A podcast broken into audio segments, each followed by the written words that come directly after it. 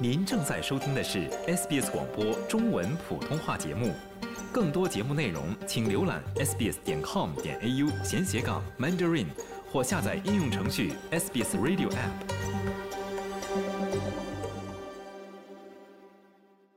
俄罗斯入侵乌克兰，以色列和哈马斯之间的战争，中国快速增长的军事力量。胡塞武装在红海轰炸货轮，以及朝鲜在朝鲜半岛试射导弹，所有这些因素都被认为是导致全球灾难风险增加的因素。在芝加哥举行的原子科学家会议上，科学家们讨论了所谓的“世界末日时钟”距离午夜还有多久的话题。原子科学家公报的主席兼首席执行干事布朗森说：“去年的趋势继续指向即将到来的全球性灾难。” In 2023, trends continue to point ominously towards global catastrophe. 二零二三年，各种趋势继续不祥地指向全球灾难。乌克兰战争不断带来核升级的潜在风险，而十月七日在以色列发生的袭击和加沙地带的战争，更进一步说明了现代战争的恐怖。即使没有核升级，也是如此。这个非营利小组由一些世界顶尖的科学家和安全专家组成。他们在会议后决定，在灾难发生之前，把世界末日时钟保持在午夜前九十秒不变。布朗森解释了其中的原因。Last year, we expressed amplified concern by moving the clock to 90 seconds to midnight. 去年，我们将时钟拨到了距离午夜还有九十秒的位置，表达了更强烈的担忧。这是有史以来距离全球灾难最近的一次。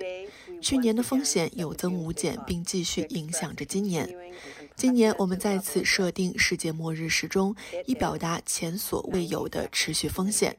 现在，距离午夜还有九十秒。尽管人类至少在过去的七八十年间还没有使用过核武器，但许多人认为世界末日时钟的午夜代表着人类将因核战争而灭亡。格拉赫教授来自普林斯顿大学公共与国际事务学院，任教于机械与航天航空工程系。他解释说，威胁来自于核武器的存在本身，以及一些国家正在扩大他们的核武器库。Many weapon states are currently pursuing extensive modernization and expansion programs. 许多拥有核武器的国家正在进行广泛的现代化和扩张计划，这将是冷战结束以来的第一次。中国正在扩大他们的核武器库，目前中国已有五百枚核武器。至少在我成年之后，华盛顿首次传出消息。美国的核武器库也必须增加，以赶上俄罗斯和中国的核武器库的总和。因此，从许多方面来看，我们正在为三方军备竞赛做准备，这是前所未有的，也相当令人担忧。因此，前景看起来十分暗淡。尽管澳大利亚通过 AUKUS 协议获得了八艘核潜艇，但澳大利亚并不属于那些寻求扩大核力量的国家。因为这些核潜艇并不配备核武器，只是由核动力推动。英国“胜利号”航空母舰前中尉指挥官道尔顿告诉 BBC：“ 许多国家拥有核武器是为了起到威慑作用。整个核威慑的关键在于它实际上从未被使用过。人们说：‘哦，这是一种永远不会被使用的武器系统。’”但它现在就在被使用，就在我们说话的这一刻，核威慑就在那里。普京知道它就在那里，他们知道核武器是可信的，如果需要的话，我们可以使用它。但是军事火力的扩张并不是人类面临的唯一真正威胁。原子科学家公报的声明还指出，对气候变化的不作为、生物威胁的演变以及人工智能的不受限制的崛起是全球灾难的主要威胁。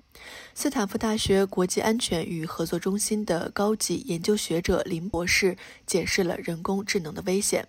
AI has lots of potential for magnifying。人工智能在放大环境中的虚假信息上有很大潜力。使得虚假信息问题变得更加严重。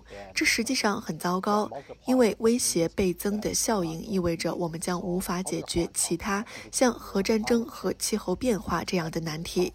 因此，这确实是一个严峻的问题。原子科学家公报由爱因斯坦、奥本海默和芝加哥大学的科学家于1945年创立。他们在曼哈顿计划中帮助开发了第一批原子武器。世界末日时钟于1947年建立。世界末日时钟是一个象征性的计时器，表明我们距离用我们自己制造的危险技术毁灭我们的世界有多近。喜欢、分享、评论，欢迎您在 Facebook 上关注 SBS 普通话页面。